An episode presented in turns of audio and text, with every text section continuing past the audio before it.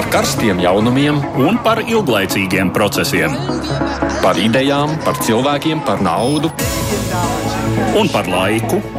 Par abām mūsu planētas puslodēm, un lietojot abas smadzeņu puslodes. Ēterā raidījums divas puslodes. Labdien, jums sakat, ka es Aits Tamsons ir laiks izvērtēt, kāda bijusi šī nedēļa pasaulē. Darām to kopā ar kolēģi Eduardu Liniņu, kurš pandēmijas laikā ir pie tālruņa. Sveiks, Eduard! Sveicināti! Mūsu uzmanības lokā šodien lielā mērā būs sākotnēji tuvējās kaimiņu valstis. Krievija izmanto savu vakcīnu Sputniku, lai nodarbotos ar propagandu un vairot savu ietekmi. Tā saka gan Latvijas, gan arī visas Eiropas Savienības amatpersonas. Tajā pašā laikā vakcīnas ir vajadzīgas, un arī Eiropas Savienībā notiek Sputnika drošuma pārbaude. Kā salāgot vajadzību pēc vakcīnām ar spēju neļauties propagandas ietekmei. Ja Lietuvā saka, ka Sputnika neizmantos, tad Igauni gan ir gatavi to apsvērt. Taču Igaunijā vispār situācija ir krietni sarežģītāka. Tur saslimstības rādītāji ir ļoti augsti. No šodienas tiek ieviesti strikti ierobežojumi. Mēs pārunāsim radušo situāciju ziemeļkaimiņos. Un viens temats mazliet krāsaināks. Pilnvars nolikušā brita prinča Harija un viņas sievas Megānas atklāsmes intervijā par dzīvi karaļnamā ir uzjundījušas sarunas par to, kāda vispār jēga 21. gadsimtā no monarhiju uzturēšanas. Visā pasaulē tagad apzēlē sarunas saturu, kas kļūst par vienu no skatītākajām intervijām. Analizēt notikumus kopā ar mums visu stundu garumā ir gatavs arī politologs, ārpolitikas institūta asociētais pētnieks Veikos Polīts. Sveiks arī Veiko tev! Labdien visiem! Bet nu tātad sākam vispirms ar Krieviju un Sputniku vakcīnu. Krievijas vakcīna diplomātija. Kad pērnvasarā Krievija paziņoja, ka tai kā pirmai valstī pasaulē izdevies izstrādāt vakcīnu pret koronavīrusu Covid-19 infekciju, šis paziņojums tika uztverts visai skeptiski. Taču tagad, kad rietumfarmācijas kompānijas acīm redzami netiek galā ar pieprasījumu pēc vakcīnu devām, interese par Krievijas puķņiku vīju aug augumā, un ne tikai attīstības valstu vidū. Ungārija bija pirmā Eiropas Savienības valsts, kura jau janvārī reģistrēja Krievijas izstrādājumu izmantošanai savā teritorijā. 1. martā 200 tūkstošu dozu tika piegādāti Slovākijai. Savukārt Čehijas prezidents Milošs Zemans paziņoja, ka personiski vērsies pie Vladimira Putina ar lūgumu pēc Sputņika piegādes viņa valstī, kurā šobrīd ir viena no augstākajiem saslimstības rādītājiem Eiropā. Tāpat šo Krievijas vakcīnu jau masveidā izmanto Argentīnā, Baltkrievijā, Serbijā, apvienotajos Arābu Emirātos, miljonus dozu pasūtījušas vairums Āzijas un Latvijas valstu. Noslēgt līgumu par vakcīnas licencētu ražošanu Brazīlijā, Dienvidkorejā un Indijā. Kā uzsver eksperti, tie ir panākumi, uz kādiem Krievijas vakcīnas izstrādātāji sākotnēji pat nesot varējuši cerēt. Un nepārprotami, ieguvumi ir ne tikai komerciāli, bet arī politiski. Sputnik V ir lielisks maigās varas instruments un apritē jau parādījies termins - vakcīnu diplomātija. Pirmkārt, Krievija sevi šādi apliecina kā pietiekami attīstīta valsts ar joprojām spēcīgu zinātnes potenciālu. Otrakārt, lētā Sputnika piegādāšana trūcīgām valstīm, kuras rietumu farmācijas lielražotāji atstājuši pabērnu lomā, ļauj šodienas Krievijai iejusties drauga un labdara lomā, kāda savulaik tā skaitā trešās pasaules valstīs piederēja Padomu Savienībai. Tas nozīmē daudz nopietnāku pieteikumu uz Krievijas ietekmes sfēras izplatīšanu Āfrikā, Latvijā, Balkānos un citur. Skeptiķi gan pauž, ka Krievijas spēja saražot vakcīnas pietiekamā daudzumā, lai apmierinātu pašreizējo pieprasījumu, ir apšaubāma, un Kremļa saimnieki varot atļauties pašreizējo dāsnumu lielā mērā tāpēc, ka pašā valstī izplatīta aizsprieduma pret vakcinēšanos un attiecīgi samērā mazs pieprasījums pēc tās. Esam sazvanījuši šobrīd arī NATO strateģiskās komunikācijas izcilības centra vadītāju Jānis Sārtu. Labdien, Sārtkungs! Labdien! Jūs esat arī izteicies, ka Krievija izmanto šo vakcīnu savas ietekmes vairošanai. Kā jūs redzat, kā tas izpaužas?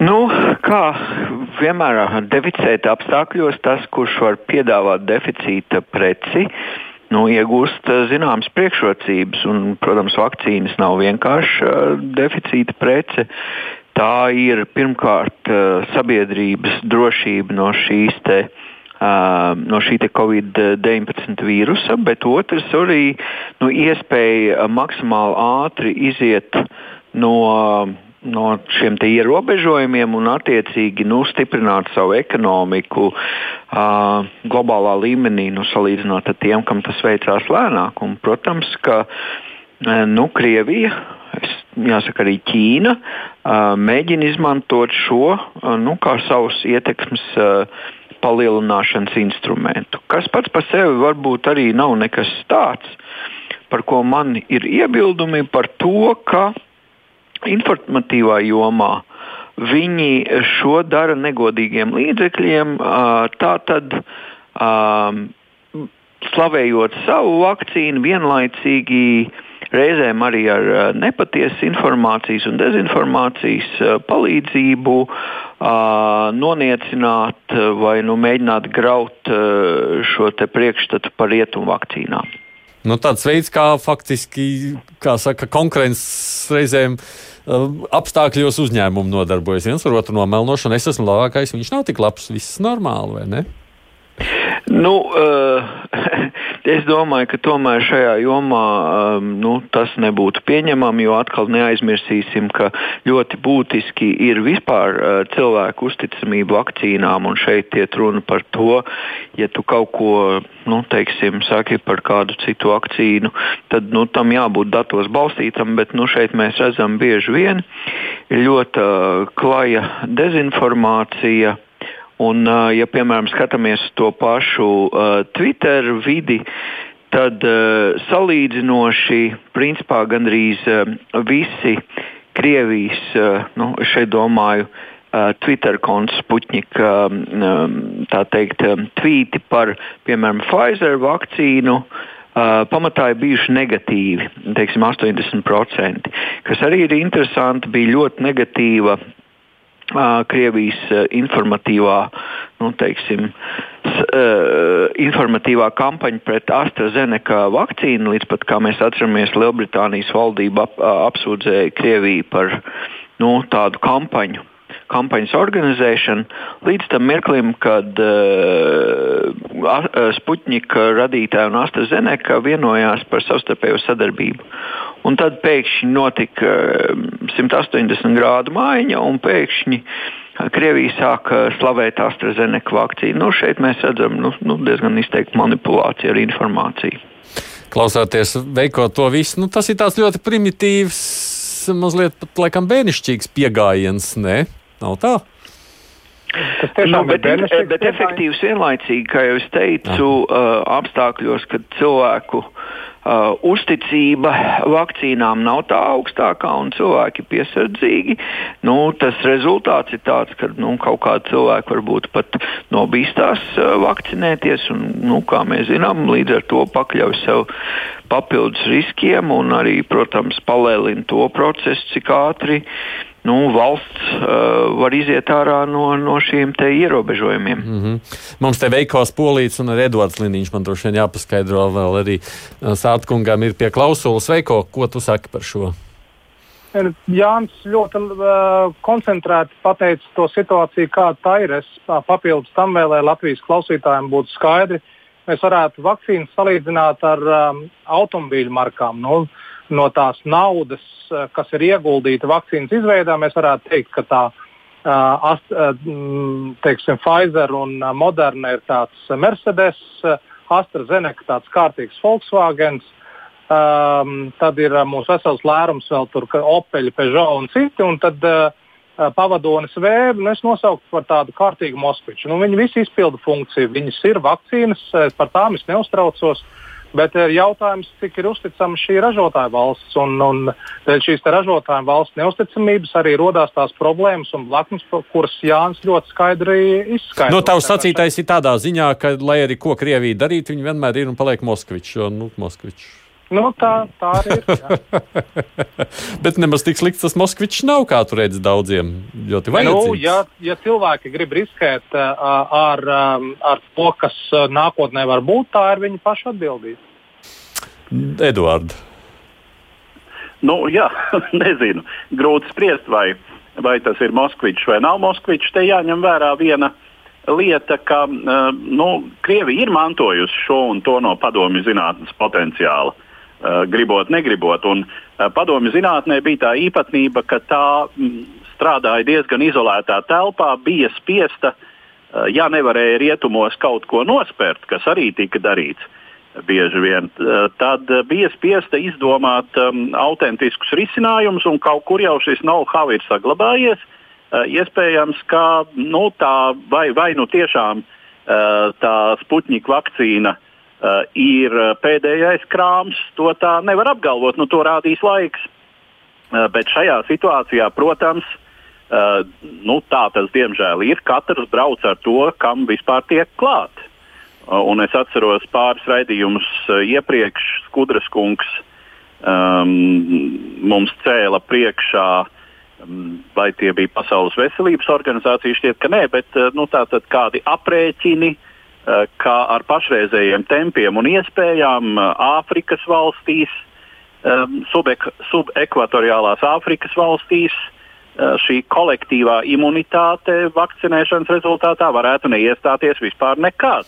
Starp citu, ja drīkst, tu, pirms tu turpini nedīst, te mums raksta, lūk, sliktie krievi, kas atļauj slavēt savu vakcīnu, un labi amerikāņi, kas vispār nevienam nepiedāvā vakcīnu, kamēr savus pavalsnieks nav savakcinējuši.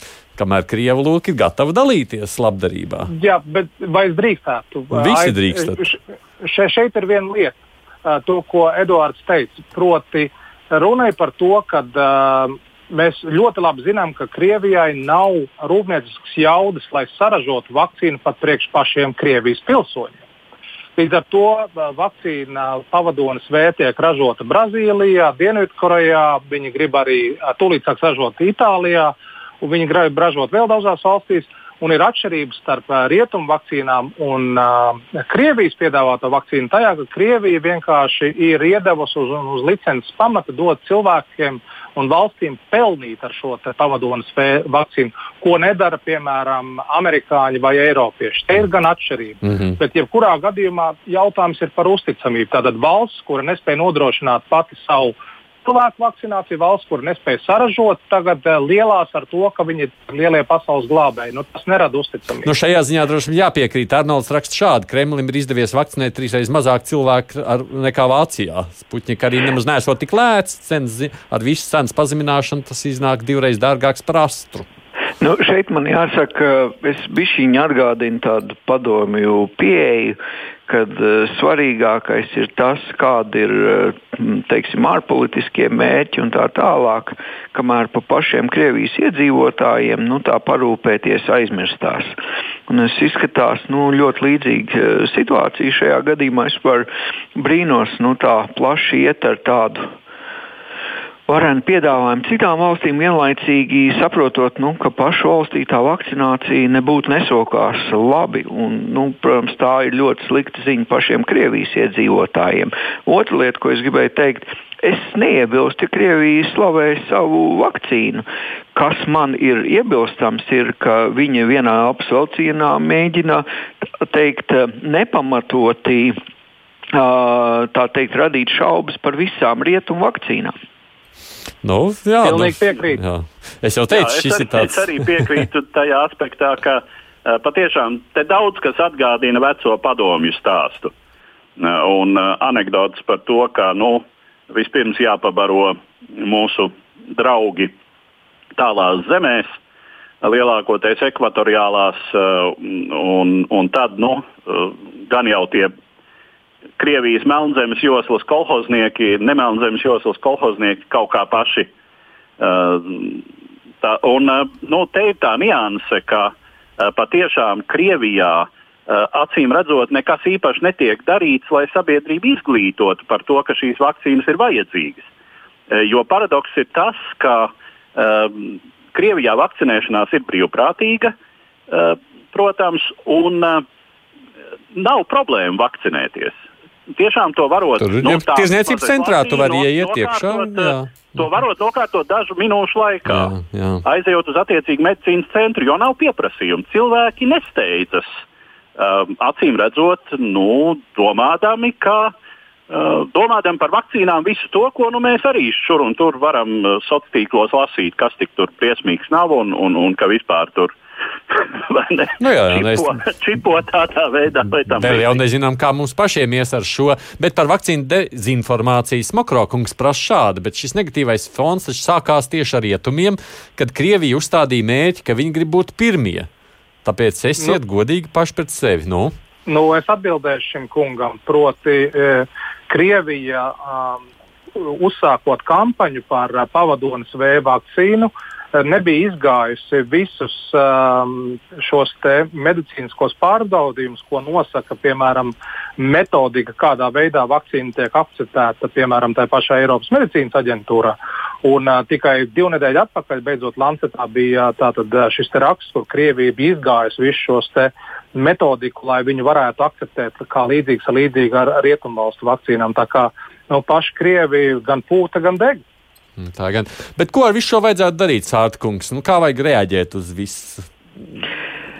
Nu, pirmkārt, jau manuprāt, tas būtiskākais ir eh, teikt, neļaut šai te dezinformācijai par uh, rietumu vakcīnu problemātiku nu, teikt, iziet plašumā, jo nu, kas ir būtiski, lai tā pieejamā informācija, kāda ir Latvijas iedzīvotājiem, ir patiesa un datos balstīta.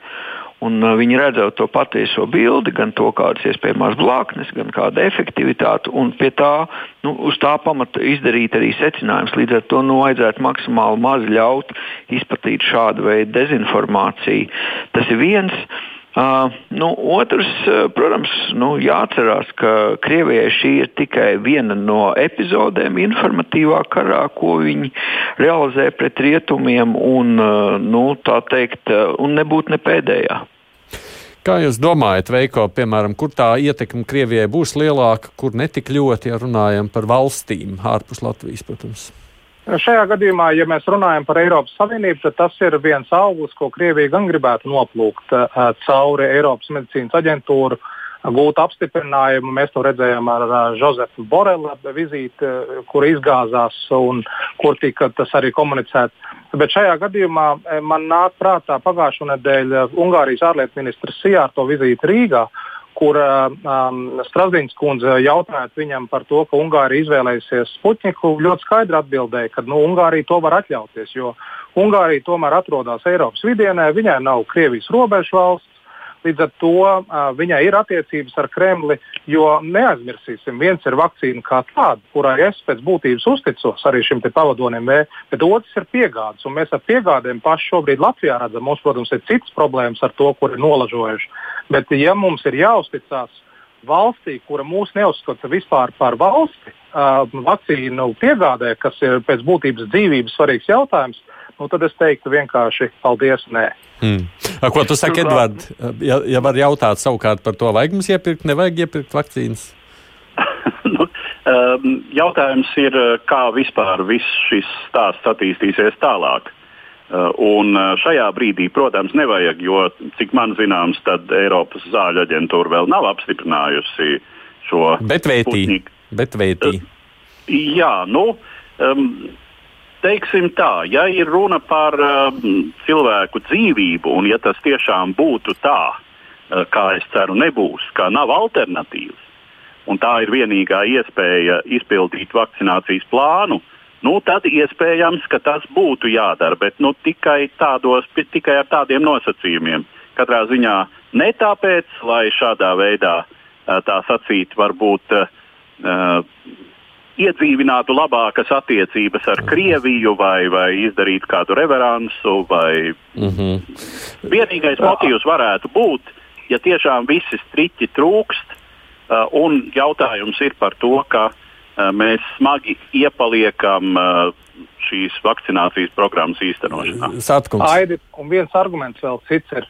Patiesībā pavadonas V nav vienīgā. Ir arī Sinovac, Ķīnas vakcīna. Arī. Un šajā gadījumā mūsu pašu sabiedroto NATO valsts Turcijas armija ar šo te ir vakcinējusies. Tā kā šeit es neredzētu problēmu arī ķīniešu vakcīnas izmantošanu. Sātkungs. Jā, bet es no savas puses gribu teikt tā, protams, ja ir apstākļi, ka joprojām ir deficīts un šī vakcīna var glābt dzīvības, tad, protams, viņi jāiegādājas. Bet, ja mums ir pilns nu, teiksim, tas stāvoklis krietni mainās un mums ir pietiekama vakcīna, tad nu, es neredzu iemesla. Un otra lieta, ko es gribēju teikt, ka šobrīd mēs esam nu, šīs Krievijas uh, vakcīnas pašā izplatības pašā, pašā sākumā.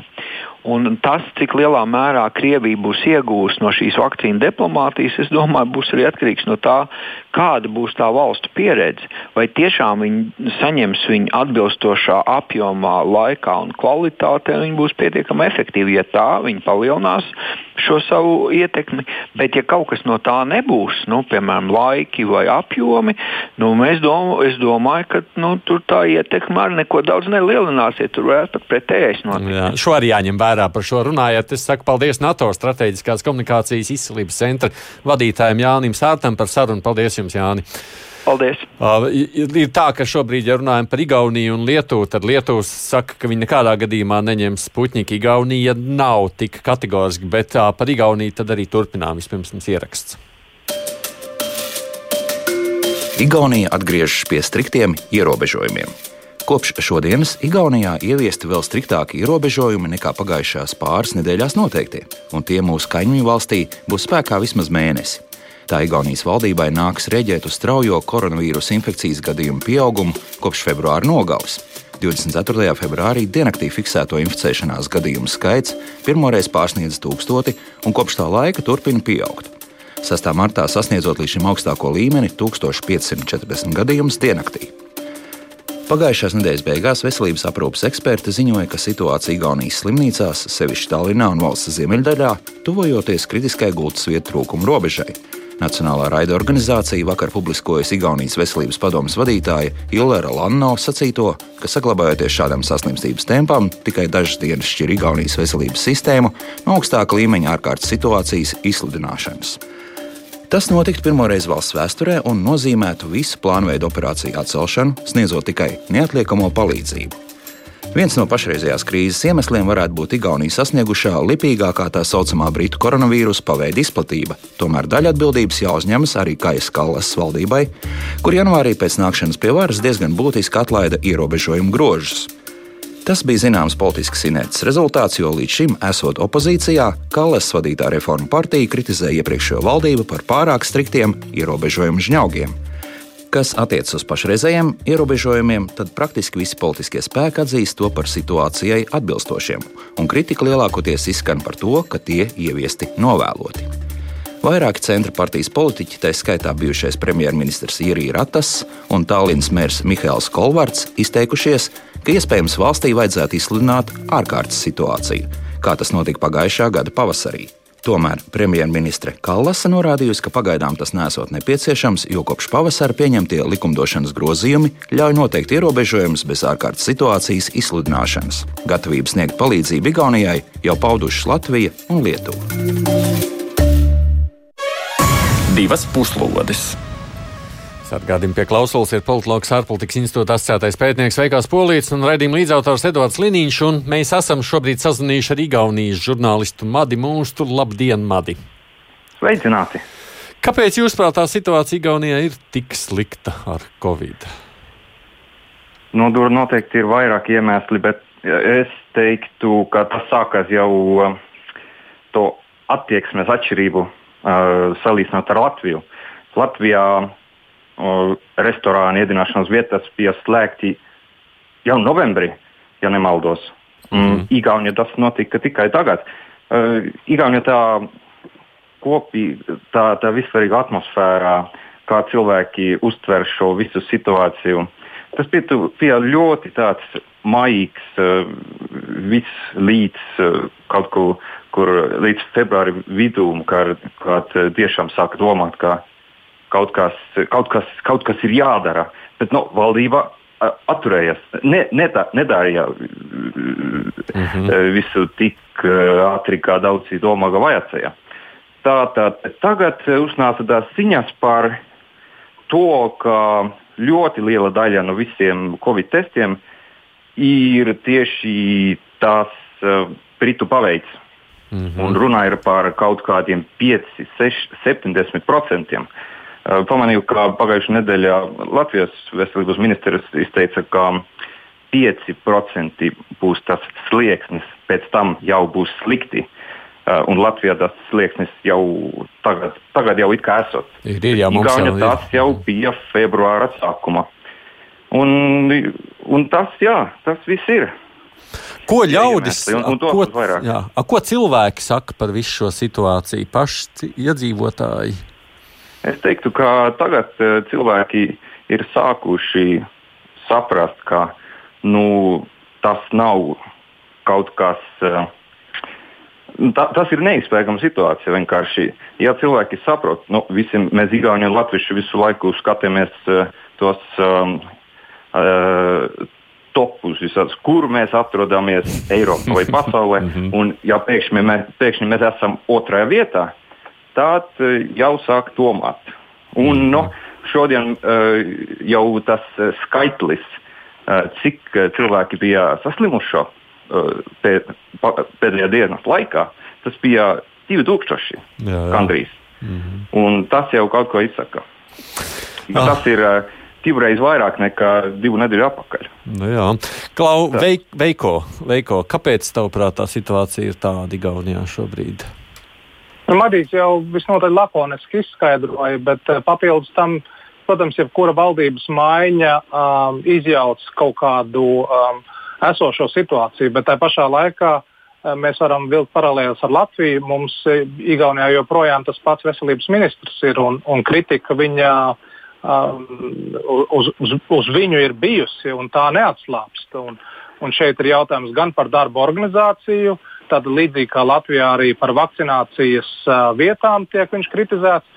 Un papildus tam, kas ir uh, Latvijā, varbūt nav tik daudz izskanējis, bet Igaunijā tā ir sāpīga tēma. Proti, Igaunija sevi reklamējas kā digitālu lielvalsti, bet, uh, bet uh, Igauni šobrīd uh, paši atzīst, ka viņi atpaliek piemēram no aptura Covid uh, uh, aplikācijas, ka šajā gadījumā vienkārši um, veselības ministrija nav gājusi digitālo ceļu, bet ir gājusi arhaisku pirmsmodernu ceļu. Tā kā šeit ir gan politiskie, gan arī lēmumu pieņemšanas iemesli, kas ir Igaunijā šo situāciju šādi izveidojuši.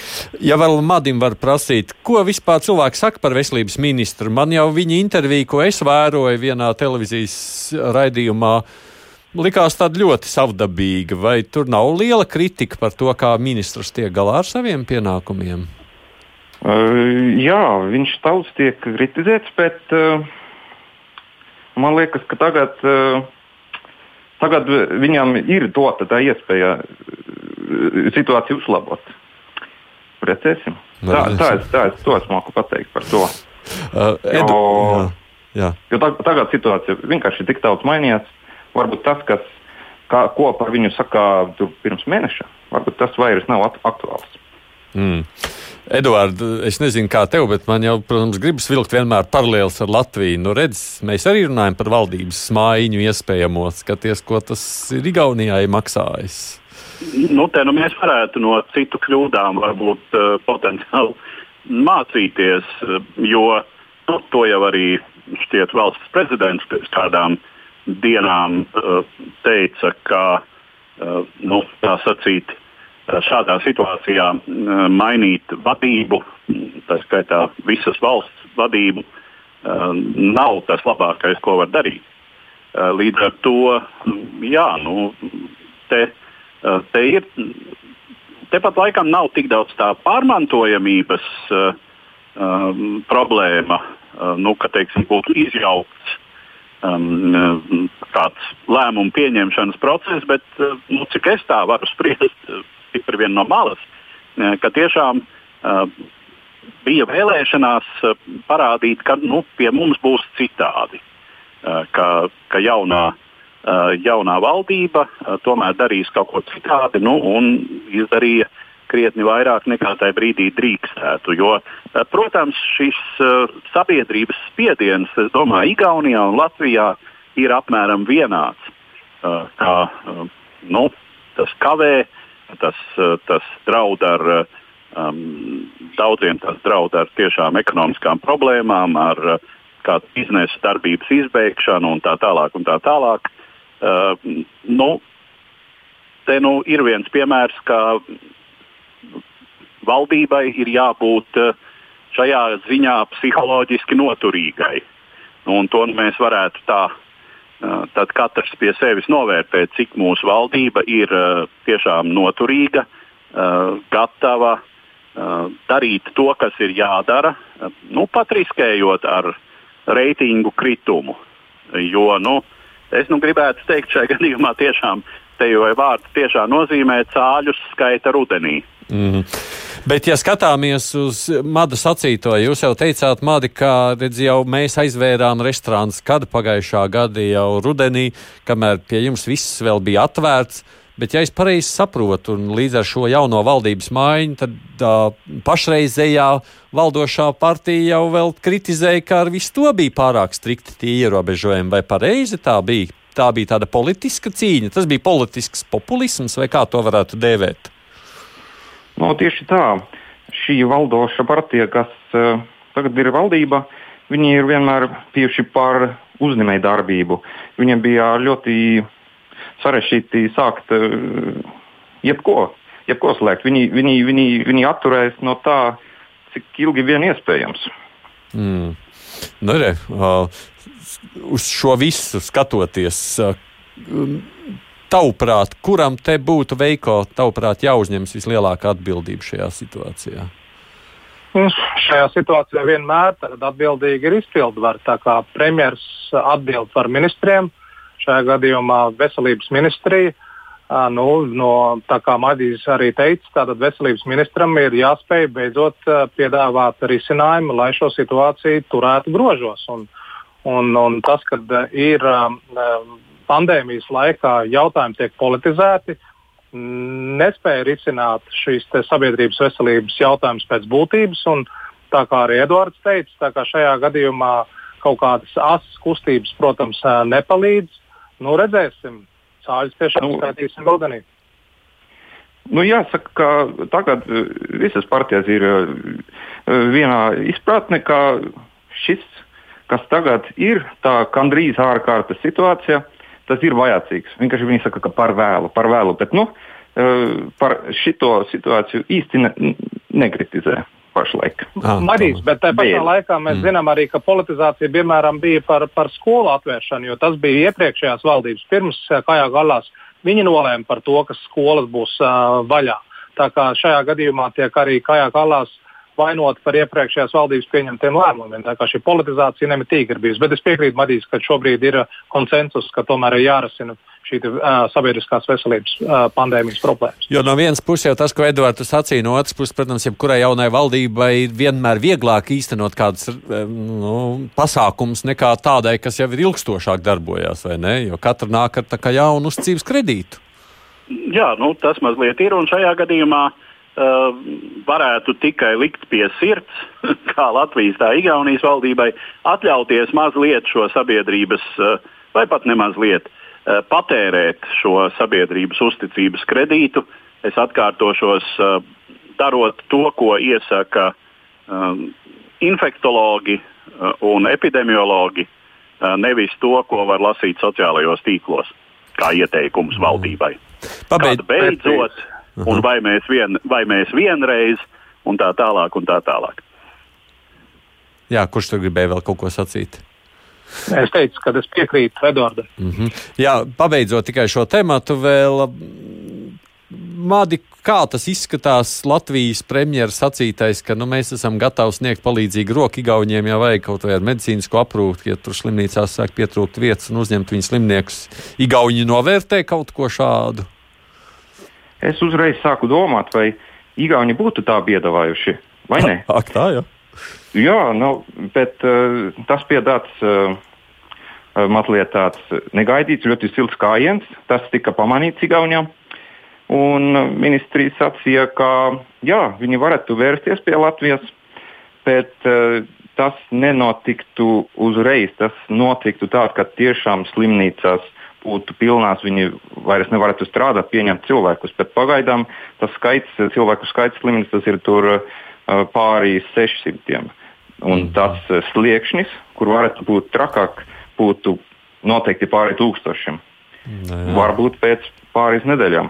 Nu, ja vienīgi- Latvijas situācija ir uzlabojusies. Jā, jā, jā vienīgais, vienīgais veiko veidē mums pašiem ir jānoturas, ja mēs gribam sniegt palīdzību, jo nekas jau nav drošs arī pie mums. Pilnīgi piekrītu. Un šajā gadījumā, protams, diplomātija no Latvijas puses bija izcila.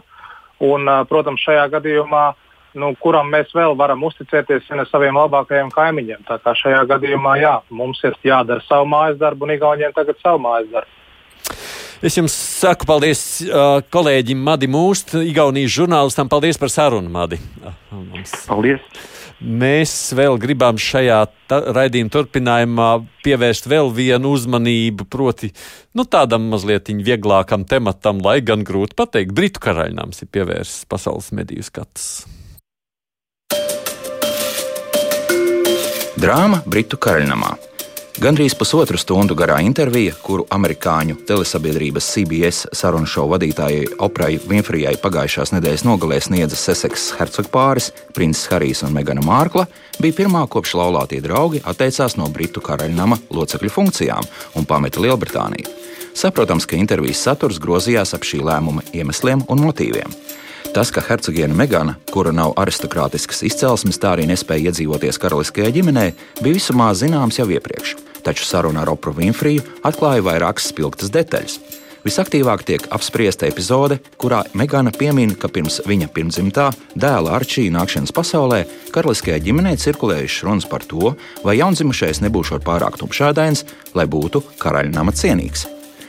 Ievērojot baltā rasisma tēmas sāsināto uztveri šī brīža pasaulē, šāda atklāsme ir nepārspīlējot ļoti skaudra.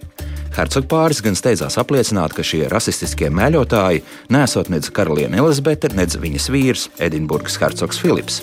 Tomēr nelabvēlīga attieksme, kuru hercogiene izjutusi pret sevi un savu gaidāmo bērnu no galvenā aparāta puses, viņa novedusi izmisumā un pat likusi domāt par pašnāvību. Karaliskā ģimene viņai atklājusies kā salta institūcija, kurā viņa jutusies kā slazdā notvērta, un pakāpeniski šai izjūtai pievienojies arī princis Harijs. Visai nozīmīga loma spriedzes kāpināšanā bijusi arī Britu presē, kurai hercogiene Megana jau sākotnēji kļuvusi par nemīlamu personu. Taisnības labāk jāsaka, ka dažas no britu laikrakstu publikācijām, kuras pēc CBS intervijas no jauna aktualizētas, patiešām rada mērķiecīgi veidotas negācijas iespaidu. Pēdējais spilgtais akords Hercogpāra un mediju attiecību sāgā ir britu telekanāla ITV rīta raidījuma Labrīt Lielbritānija vadītāja Pīrsa Morgana demaršs. Pēc CBS intervijas pārraidīšanas Lielbritānijā Morgans, kuram savulaik īslaicīgi bijušas tuvas attiecības ar Meganu Mārklu, veltīs viņai neglaimojošs izteikums. Tā skaitā paziņojot, ka neticot ne vārdam no viņas teiktā par pašnāvības domām. Nākamajā dienā viņu tiešajā eterā par šo tematu kritizēja otrs raidījuma vadītājs Aleks Beresfords. Pēc tam Morgans raidījuma vidū pameta studiju un vēl dienu vēlāk tika paziņots, ka viņš pārtrauc darbu programmā Labrīt Lielbritānijā. Ziniet, tādam kā es, kurš nu, neesmu dzimis audzis Lielbritānijā, man nav saprotama tā ņemšanās ap to monarhiju. Pasakiet man, kādas viņa pēc tā vilņoš, villošanās ir ap šo tematu? Mana atbilde ir vienkārša. Šobrīd mēs dzīvojam vēl uh, post-Brexit uh, inercē. Uh, līdz ar to šīs te problēmas, kas ir Lielbritānijā, objektīvi radušās dēļ tā lēmuma, kas notika 1000 2016. gada 24.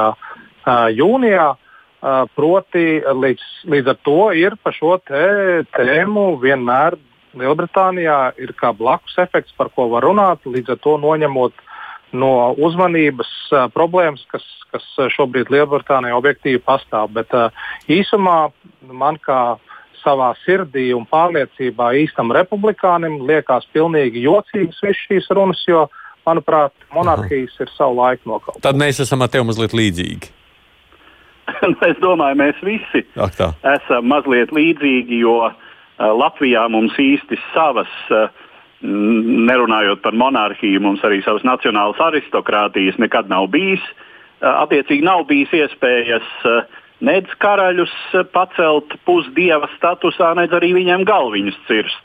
Uh, un tā ir tā pieredze, kuras mums šajā gadījumā akūti trūkst. Uh, mēs īsti nespējam iedzīvoties britu un pat uh, franču ādā, uh, kuriem tomēr uh, ir šie uh, pavis, pavisam citāda nu, ir pavisam citāda izpratne par to, ko nozīmē aristokrātija. Mums aristokrātija vienmēr ir bijusi sveša, uh, un um, nevelti mēs uh, ar, ar vienmēr ar uh, lielu vēsumu, maigi izsakoties, esam skatījušies uz ikvienu, kuram pirms uzvārda ir kāds mm, kā no to, artikuls. Uh, Uh, fonu vai de Jā. vai tam līdzīgi. Bet, uh, bet, nu, labi. Un, bet, bet visnotaļ, protams, Veiko var piekrist tai ziņā, ka monarhijas mūsu laikmetā ir kļuvušas par diezgan izteikti dekoratīvu elementu. Un, un ir jautājums par to, nu, jā, vai nu, tā, mūsu izpratnes līmenī nu, tas būtu tā, ka mēs neievēlētu, respektīvi, saima ik pa četriem gadiem valsts prezidentu, uh, bet prezidents būtu nu, tā kā Romas pāvests, un pat ne tā kā Romas pāvests. Uh, viņš tātad. Uh, ja būtu, viņam būtu bērni vai, vai citi radinieki, tad gluži tāpat kā mēs mantojam nekustamo īpašumu, tā viņš mantotu šo amatu. Um, bet, protams, ka monarhijas institūcija nu, tas ir kaut kas, uh, kaut kas, kas ir radies tik sen, uh, kā īsti to iemontēt uh, mūsdienu sabiedrības uh, un sevišķi globalizētas sabiedrības um, tādā funkcionējošā mehānismā ir grūti. Bet, nu, nu redziet, tu pieminēji Latviju, bet, ja mēs skatāmies amerikāņu, nu, CBS samaksāja tur 7 miljonus par autortiesībām šo, nu, tā tad viņi groza milzīgus miljonus, tā ļoti dārga dekorācija, par kuri gatavi nu, maksāt. Ne, nu, tas, ir, tas ir tāpēc, ka valdošās karaliskās ģimenes eh, pārstāvji, nu, nu, tās ir slavenības diezgan neizbēgami. Eh, pie kam slavenības ar, ar garu, ilgu vēstures stāstu, kur amerikāņiem ir sava uh, Uh, loma ļoti liela šai stāstā. Ja, kā faktiski pirmajai kolonijai, kuras atcēlās pret britu kroni un, un šo kundzību nokratīja. Uh, tā kā nu, teiksim, komerciālās iespējas tur ir milzīgas, bet tās pat varbūt vairāk nosaka uh, šī sižeta literārā, nu, tāda dramaturgiskā scenārija vērtība, ne tik daudz, cik politiskā nozīmība. Veiko, tu tur ievilki, jā, Alpa nepaspēja jā, teikt. Es, turpinot to, ko Edvards tikko pabeidza, tātad runājot par to CBS miljoniem, te ir jautājums tīri par uh, naudas pelnīšanu uh, un uh, par komerciālām interesēm, par tirgu. Un pēc būtības, ja mēs runājam par monarhijas liederīgu vai neliederīgumu, tad, manuprāt, uh, jebkuram savā sirdī republikānim pēdējie četri gadi ASV valdības pārliecināja, ka uh, Dievs atpestīja no monarhijas ASV. Uh, es nenosaukšu šo cilvēku.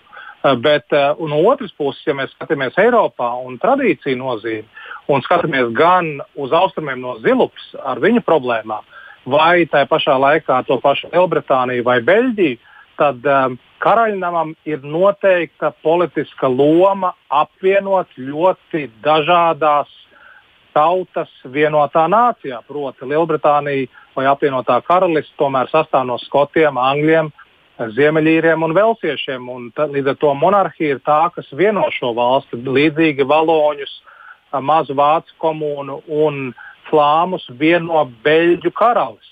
Tā kā šeit noteikti ir loma, bet, bet, bet šajā gadījumā es domāju, ka lielākā daļa Eiropas un arī pasaules tomēr šīs republikas idejas, pārstāvnieciskā demokrātija ir, ir alternatīva, kur strādā, manuprāt, daudz skaidrāk un saprotamāk. Bet, jā, ši, gribētos gan teikt, ka piesaucot vārdā, neminamo, vārdā neminamo personu, Amerikā. kur veiko padarīja nu, pat par vārdā neminamu, uh, bet tie motīvi, kas varbūt biedēja uh, saukšu jau, nu, kā ir prezidenta Trumpa administrācijas un viņa personas sakarā, tam no nu, ar monarhiju īsti nav sakara. Tā ir tur vilka uz ļoti konkrēti diktatūru. Un runājot par vēsturisko pieredzi, tur, kur ir stabilas monarhijas, pat ja tās ir reprezentatīvas un dekoratīvas, tas ir elements, kas gluži otrādi sabiedrībā krietni mazina uh, diktatūras iespējamību, lai gan neizslēdz, nu, teiksim, Itālija bija fašistiska diktatūra um, karalim klātesot.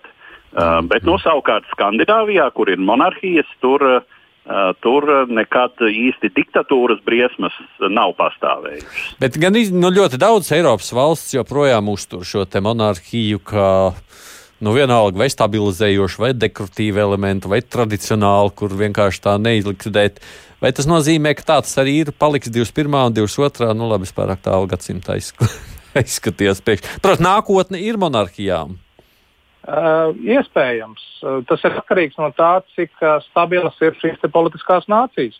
Un, uh, manuprāt, Lielbritānijā mēs redzēsim ļoti interesants laiks, jo nav izslēgts vēl viens referendums par uh, vēlmi iestāties atpakaļ Eiropas Savienībā, kas, protams, ir atkarīgs no Eiropas Savienības pašas spējas reformēties un izdarīt to nepieciešamo, lai viņa nebūtu tikai starptautiska organizācija, bet reāli federāla valsts. Uh, un uh, otra lieta, protams, ir uh, līdz ar to šo pašu pilsoņu vēlme redzēt sevi kā republiku vai kā monarhiju. Un Lielbritānijā mēs ļoti skaidri redzam, ka pēdējās aptaujas parāda, ka jaunākā paudze gribētu republiku, nevis monarhiju. So, jā, un, un runājot par monarhijas lomu un vietu šī brīža procesos, nu, te ir vēl jāņem vērā uh, tāds aspekts, ka uh, Britu um, valdošais monarhs ir valsts galva ne tikai Lielbritānijā, kā zināms, bet mm, joprojām valsts galva Kanādā, Austrālijā un Jaunzēlandē. Uh, un, uh, vienmēr tiklīdz parādās problēmas ar Britu monarhiju, un Britu monarhija, diemžēl, šīs problēmas piemeklē visbiežāk Eiropā. Par, par ģimenes locekļu tādu vai citādu uzvedību, tad uzreiz parādās šie motīvi, ka vai no Austrālijā, vai Kanādā, vai, vai Jaunzēlandē nu, teiksim, atkal aktualizējas jautājums, vai tomēr labāk nekļūt par republiku, kas šīs valstis pēc būtības jau tās ir parlamentāras demokrātijas. Bet nu, Britu karaliene, šajā gadījumā karaliene, kā uh, uh, oficiāla un, un lielā mērā dekoratīva valsts galva. Un vēl piebilstot par presi, uh, nu, Britu prese šajā gadījumā ir nospēlējusi nelāgu lomu gan attiecībās ar, ar Meganu Mārklu un viņas likteni, un uh, arī dzen, Brexita procesā Britu presei nebija tā pēdējā loma. Mēs, nu, tur, mēs jau faktiski, jā, mēs pēc minūtes arī beidzām, mēs to saturu neapspēlējām, jo no vienas puses tur ir kaut kas par rasismu un tam līdzīgi, bet tur ļoti daudz visā tajā apakšā tāda dzeltena nokrāsa. Viņš man ko pateica, vai ne, un tur kā mēs viens pret otru izturējāmies. Tas ir tāds, nu, Jā, tāds... tas, tas, tas nu ir tā, ka ja tu nesaki, kurš to teica, nu, tad uh, šis apgalvojums, lai cik asarāns lacīts, uh, diezgan, izrādās diezgan tāds tiešām ziepju, ziepju operas līmeņa. Britu dzeltenā prese, Eduards. nu, bet tā jau turpina joprojām jāsaka, dzīvot no šādām dekorācijām. Viņiem tās nu, ir. Kad, kad, par, kad karaliskais purpurs mazliet pabalo, tad tas kļūst viegli dzeltens. es nezinu, vai es esmu gatavs tālāk apspriest māksliniecisko krāsu izvēli, bet droši vien, kad uh, skatoties uz to, es nepaspēju vairs neko pajautāt. Es jums saku paldies par šo sarunu. Paldies! Tas sarunas, jā, tie, kas vēlas, neapšaubām var sekot arī un zellēt to saturisko interviju sadaļu, kas ir, viņa man liekas, ir tik šobrīd populāra, ka tur jebkurš var ielūkoties, kad vien vēlas. Politologs un ārpolitikas institūta asociētais pētnieks Veikals Polīts šeit. Jā, pie klausulas, un tāpat tās kolēģis šī raidījuma līdzautors Eduards Liniņš. Jā. Tālāk, savukārt, runājot par nākošo, mums vēl ir atvēlēts laiks dažām ziņām īsumā, tāpēc raidījuma noslēgumu mēs tagad turpinām tieši ar šīm ziņām. Pagājušajā ceturtdienā uz Izraēlu devās Austrijas kanclers un Dānijas premjerministrs, lai runātu par sadarbību cīņā pret covid pandēmiju. Šajā ceturtdienā uz Izraēlu dodas Čehijas un Ungārijas premjerministrs. Arī viņi grib sadarboties ar Izraēlu. Izraela ir līdere tehnoloģijās. Tā ir mūsu tradicionālā partnere. Es domāju, ka tā būs ļoti noderīga vizīte. Tā paziņojas Čehijas premjerministrs Andrejs Babišs. Izrēlā apmēram 40% no valsts 9 miljoniem iedzīvotāju jau ir saņēmuši abas uzņēmuma Pfizer vakcīnas devas, un vairāk nekā 90% pirmo devu. Tikmēr vakcinācijas kampaņas Ungārijā un Čehijā norit lēni. Meklējot veidus, kā pātrināt vakcinācijas kampaņu un apiet šķēršļus, kas radušies vakcīnu piegādēs Eiropas Savienībai, Babišs nesen apmeklēja Ungāriju un Serbiju, kas izmanto Krievijas un Ķīnas izstrādātās Covid-19 vakcīnas. Arī viņš abām lielvalstīm lūdz palīdzību. Tomēr nesen veiktā sabiedriskās domas aptauja liecina, ka Čehi nevēlas izmantot šīs vakcīnas, kuras nav apstiprinājusi Eiropas zāļu aģentūra. Krievijas federālais uzraudzības dienests Roskomnadzor ierobežojis Twitter izmantošanu Krievijā, apsūdzot to aizliegta satura neizņemšanā. Vakar kaimiņu valstī tika samazināts Twitter darbības ātrums. Dienests arī informēja, ka varētu pilnībā bloķēt Twitteri, ja tas neizņems aizliegto saturu. Maskava pēdējos mēnešos ir izdarījusi pastiprinātu spiedienu uz tādiem rietumu tehnoloģiju gigantiem kā Facebook un Twitter, jo tie atteikušies dzēst aicinājumus uz protestiem pret Krievijas valdību. Roskomnadzor paziņoja, ka Twitter darbība ierobežot, lai pasargātu Krievijas pilsoņus un piespiestu uzņēmumu ievērot Krievijas likumus. Krievijas varas iestādes pēdējos gados ir pastiprinājušas kontroli pār internetu, apgalvojot, ka tas tiek darīts cīnoties pret ekstrēmismu, terorismu un aizsargājot nepilngadīgos. Valstī jau ir aizliegts vairākas tīmekļa vietnes, kas ir atteikušās sadarboties ar varas iestādēm, tostarp Daily Motion un LinkedIn. Slovenijā pieaug spriedze starp žurnālistiem un premjerministru. Premjerministrs Janis Janša šonadēļ pieprasīs vietējās ziņu aģentūras STA vadītāja Bojana Veselinoviča atkāpšanos. Premjerministrs nodēvēja Veselinoviču par politisko instrumentu galēji kreiso rokās un sacīja, ka viņam pienācis laiks atkāpties un uzņemties atbildību par savām nelikumīgajām darbībām taču viņš nepaskaidroja, par kādām pretlikumībām ir runa. Pēdējos mēnešos valdība ir palielinājusi spiedienu pret aģentūru, kuras darbinieki ir neatkarīgi un kurai ir sabiedriskās aģentūras raksturs, taču tās darbu finansē valdības preses dienests, un nesen tas finansējumu aizturēja. Slovenijas nārvalstu žurnālisti, kas kritiski izteikušies par Jānušu, ir saskārušies ar asu premjerministra reakciju. Vairāki kritiķi pārmet Janšam vēlmi urbanizēt Sloveniju, proti, ķerties pie Ungārijas premjerministra Viktora Orbāna metodēm valsts pārvaldīšanā. Ķīna tuvāko sešu gadu laikā var iebrukt Taivānā, jo Pekina pātrina savus centienus aizstāt ASV militāro varu Āzijā. Tā otrdien brīdināja admirālis Filips Davidsons, kurš ir ASV bruņoto spēku augstākā ranga virsnieks Āzijas klusā okeāna reģionā.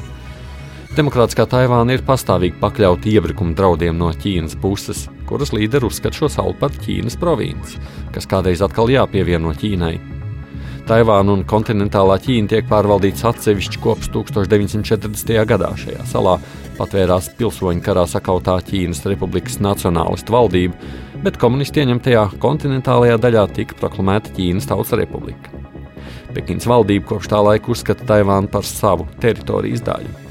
Bijušais ASV prezidents Donalds Trumps, kuram bija domstarpības ar Pekinu tirdzniecības un nacionālās drošības jautājumos, pēdējā laikā attīstīja labākas attiecības ar Taivānu.